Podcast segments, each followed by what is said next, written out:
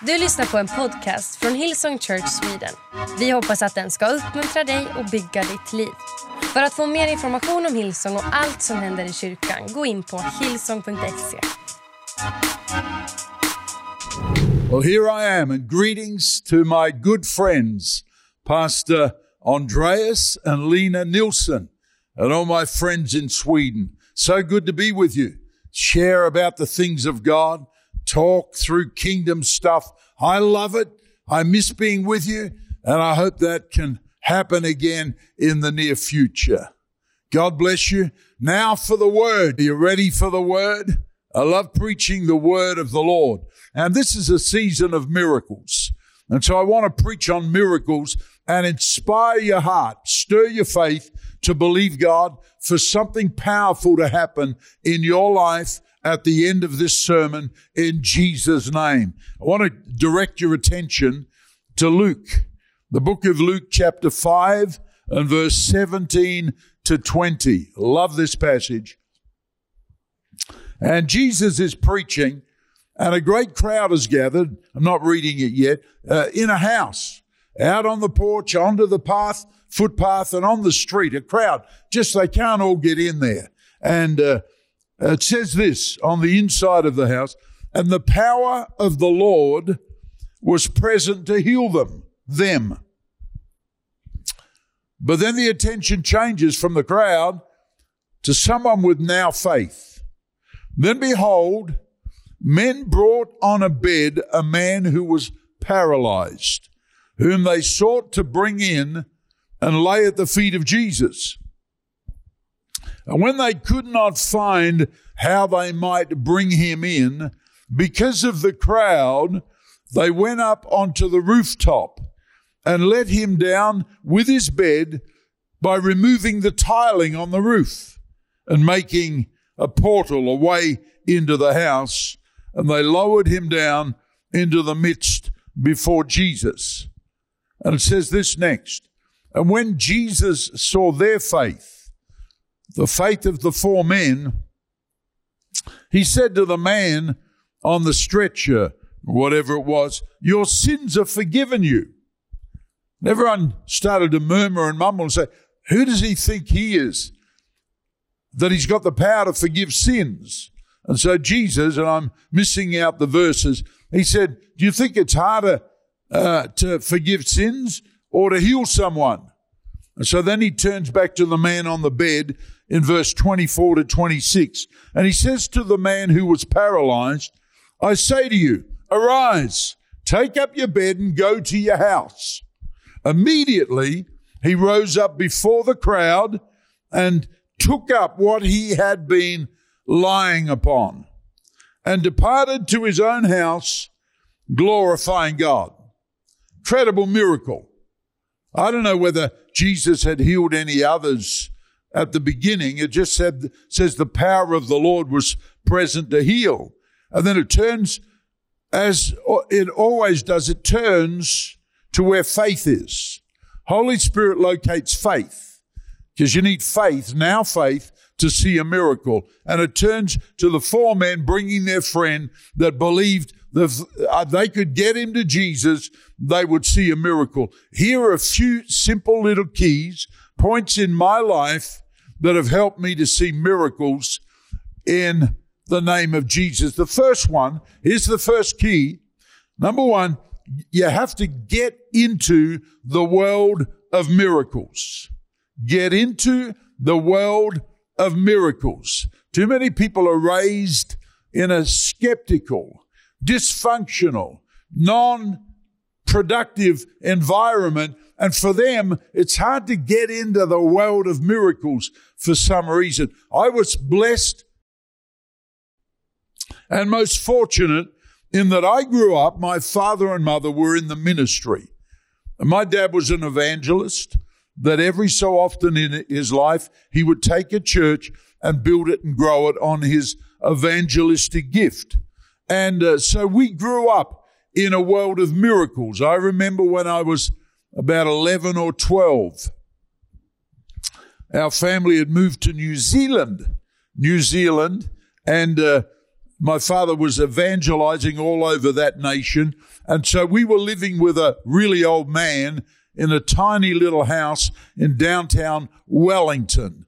And, uh, and uh, I was about 12. I woke up one morning and, uh, I didn't even hear the commotion, but my mother had passed out on the upstairs landing and my older brother had got up, rung the ambulance. They'd taken her to hospital and uh, I got up and she was already gone. And so they farmed us out to stay with people we didn't even know during that time. My father was in Australia doing some evangelism. And so my mother went to hospital. They rang a key pastor in that city, uh, whom we were relating to. He went to the hospital, but in the meantime, my mother died in hospital. She'd had an ectopic pregnancy, and so she had bled to death. And uh, so this uh, minister, key minister, he went there, got there, and they said, "I'm sorry, sir, you can't go in. We're just doing final procedures. Uh, the woman has passed away." And so this pastor said, "I didn't come here simply to sit." in a waiting room. I came, came here to pray for her. Let me in now. And so he walked in, much to their uh, uh protestations, and uh, prayed over my mother in the name of Jesus, come back to life, etc. And sure enough, my mother was raised from the dead, came back to life. It's documented. It's in some books that have been written about the ministries, etc. And so this was, you know, I'm 12 and uh, we hear this and uh, when my mother's well and comes back to us, uh, we, we kept pressing her. Uh, what was it like? And she said, I was dead. Did you hear angels singing? No, I was dead. And all I knew is coming back into consciousness and knowing that I had been re- revived and restored. And so to us, it was an incredible impact. We grew up in a world of miracles.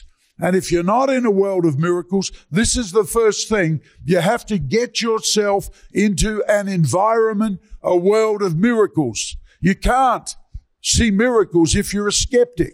Oh, I'll just watch and see how, you know, what trick is there to, no, no, stop it.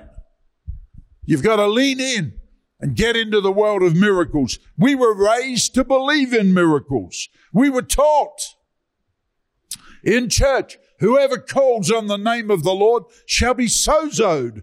The word is salvation, which means completely made whole in every area of your life. And we believe that. We pray for that. We witnessed the unusual world of miracles continually in our lives. It, from our earliest days, my dad pioneered churches. And back in those days, you know, you had nothing. And he'd pioneer a church and every cent he had would go into building the church. And so one of the great miracles that I, I saw so often was the miracle of provision. God providing for our family. We would wake up in the morning and there on the front doorstep would be a huge bag of potatoes or stuff like that would be dropped off at our house and uh, continually we'd sit down to eat. And uh, these, they were tough days back then. Uh, we would have mashed potato that was uh, the, sort of stuffed with rice to make it go further and just uh, in everything like that. Uh, so they were tough days, but uh, it, there was such joy in our house. Uh, we'd sit down for dinner and we had pretty meager provisions so often, and someone would knock at the door, and there'd be a someone with a huge leg of lamb or a few huge tray of meat or something, and we'd go nuts. But it was a miracle. It was God's provision. So I grew up with that. And that's helped me in my life to live by faith. I'm planning a new church. I don't take an income from it because I've learned how to live in miracle provision and people uh, are incredible from all over the world sow into our lives so we can keep doing what God's put on our heart to do. That's a miracle of God's provision. Um, miracles of healing seen so many of them. But one I love to, to, uh, to share, and it's such a simple one. We had a, a, really old couple in our church. They're wonderful people. This is years ago when I was pioneering a church. And the woman, uh, the old woman was a large woman, had diabetes, and so she was taken into hospital and uh, to have her one of her feet removed. Uh, it had gone gangrene and everything else, and they were about they were prepping her for the operation. And the family said, "Would you come in and pray for her?" And so I'm praying, God, what do I do? And uh, I, I just felt that God wanted to do a miracle. And so I went to the Word and I found this scripture that leapt out at me. I, maybe I was trawling and looking for the word foot or feet, and uh, I wanted to find a word of God. And the word that God gave me was this He shall not suffer your foot to be moved. I took that as a promise from God, went in there, and they're all long faced. Uh, the old woman's about to be uh, taken to prep for the operation. And they said, You've come just in time. Can you pray for us? God will help us. I said, I can do more than that. God's given me a word. He's not going to allow your foot to be removed. That's his word, and he's promised it to you, and it's going to come to pass. And so they got all happy all of a sudden, thank God. And then they came in to do last inspections or tests, and they said, We don't think we have to remove the foot now. And they were most, you talk about joy, that old woman not having to lose her foot her joy was full. It was the most amazing thing. Uh, and so that's just one miracle that I've seen that I love to share. What about what about miracles of protection? Man, this is a big one. I was preaching in a country town in Queensland quite a number of years ago, and we were having night after night of meetings. And so one night, God gave me a word. There's a man here and you've got a leg condition. I want you to come out. I want to pray for you. As he was coming out, God spoke to him and said, There's a problem with his daughter. There's a sexual issue. And I thought, God, I can't. And, and of course, you can't say that publicly. So I just prayed for him and said, You've got a daughter. What's going on? And he said, Nothing. She's uh, struggling with faith and everything else, like most teenagers. She's home tonight. And I said, Well, God's telling me that there's an issue there and we need to pray for her and uh, believe for God to do something uh, in that in her life and keep her safe from harm and danger. And so the next night, uh, we started that they were late coming to the service. This couple. And, uh, they came up to me afterward and said, you know, we left for service and our daughter didn't want to come. She wanted to stay home. And uh, on the way to service, we, we felt God speak to us and say, go home and check on her. Now they've only 10 minutes before left. And so they turn around and go home. They get home, walk into the house, just as there is a young man trying to break into the daughter's bedroom window. And of course, they deal with that and get rid of and deal, deal with him, etc. But they came to service late, but they were so full of joy. You know that word about our daughter keeping her safe? Well, God spoke to us. We went home and God dealt with a, an intruder that had malicious intent toward our daughter and, and it's broken. It's, and it set her free. I thought that's brilliant. That's a miracle of protection. I've prayed that over my kids so many times to keep them from harm and the work of the evil one. And I thank God for his deliverance. What about deliverance, setting people free from demonic spirits? Man, I've had some incredible situations in my life. And there was, uh, I think it was either a Saturday or a Sunday afternoon. One of my team in one of our churches rang me and said, Hey, Steve, can you come down here? I've been trying to deliver a guy from demons from evil spirits. And the man began to manifest while I'm doing this. And he ran and locked himself into one of the toilet cubicles. And he's manifesting and he won't come out. I think I've lost him. And so I went down to the church and met with him and he's telling me all the spirits that he's trying to deal with. And uh, I said, I want you to go in and stand outside his toilet cubicle and simply tell him, hey, and his what he knew his name. Hey, we'll say John. Hey, John, I want you to know that you are now free in Jesus' name. Come out and let's get on with stuff. And so the amazing thing, the man came out of the toilet cubicle totally normal. No manifestation. He was calm and collected and he said, I, I need to go home. I got things to do at home. And uh, thank you for your help. I feel different. Listen to me. When it comes to deliverance, you don't need to know and speak the name of every demonic entity that you can imagine. You only need one name to deliver people. That's the name of Jesus. Be free in the name of Jesus. Be set free. Every work of the enemy be broken, be gone in the name of Jesus. And this guy just walked out. To- I've had so many uh, instances. Uh, we haven't got time to talk about that, but there's deliverance the miracle of deliverance in the name of Jesus. Can you say amen? Oh my. There's miracles in the house. The power of the Lord was present to heal. And the healing came to those that had faith. The second thing you need to do, get into the house of miracles. Get into the place of the presence, the environment of faith for miracles. Number two, you need to overcome obstacles to your faith.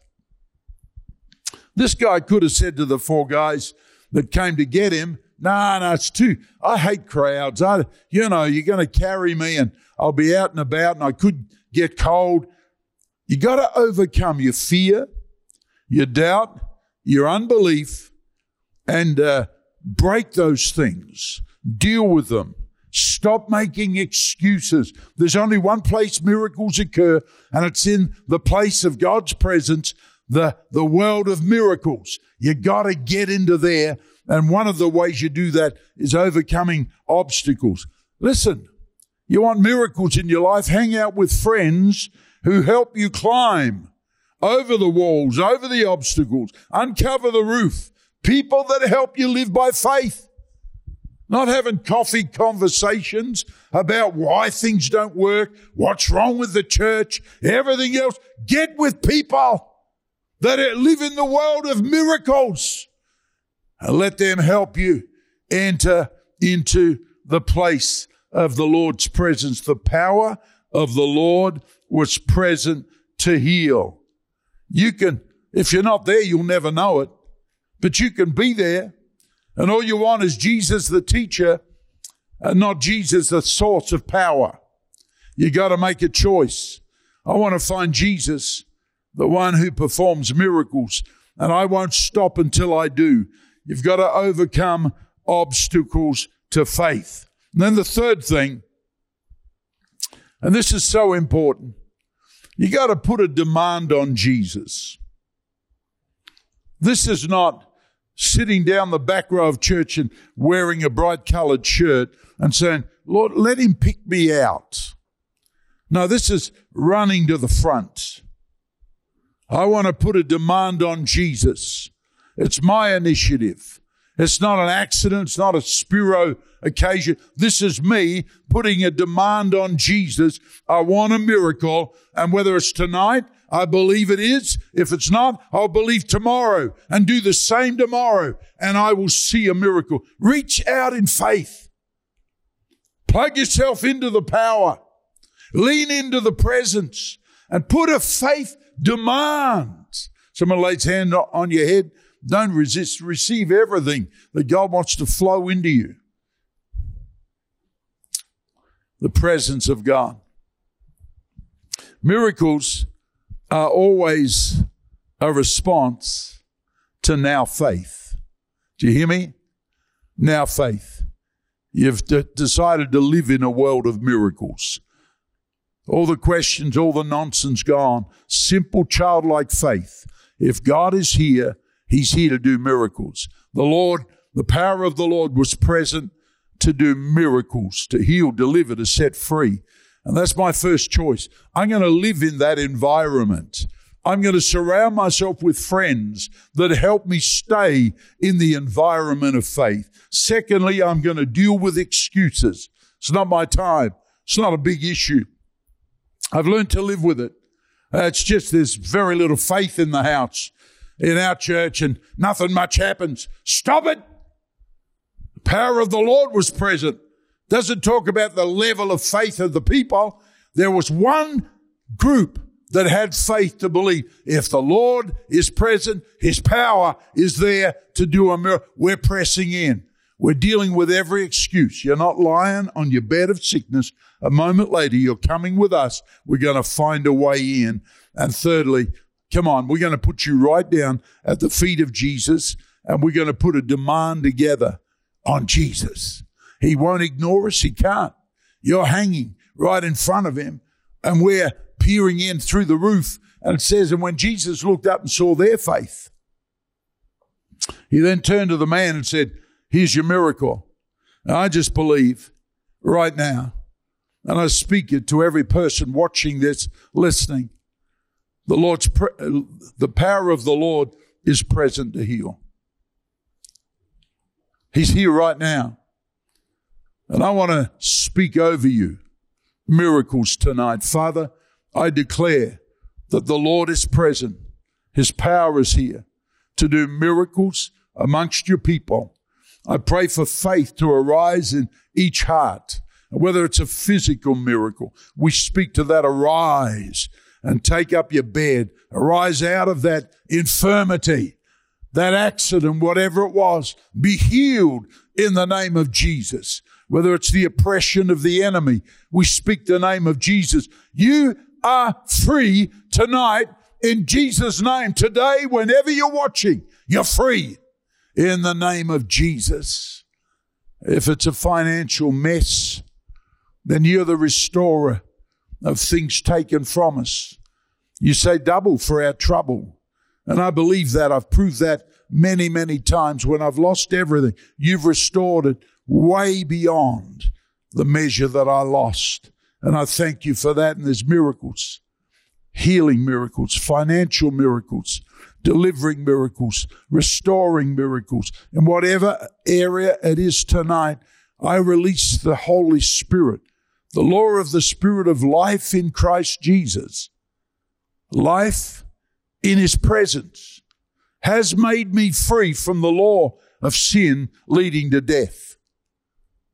The law of the Spirit of life where, and that's simply where the presence of the Lord is, there is power to bring life and blessing and healing. Listen to me. Every person watching this message, I'm preaching this specifically in a time when we need more faith than ever before. But it's simple. Get yourself into the world of miracles.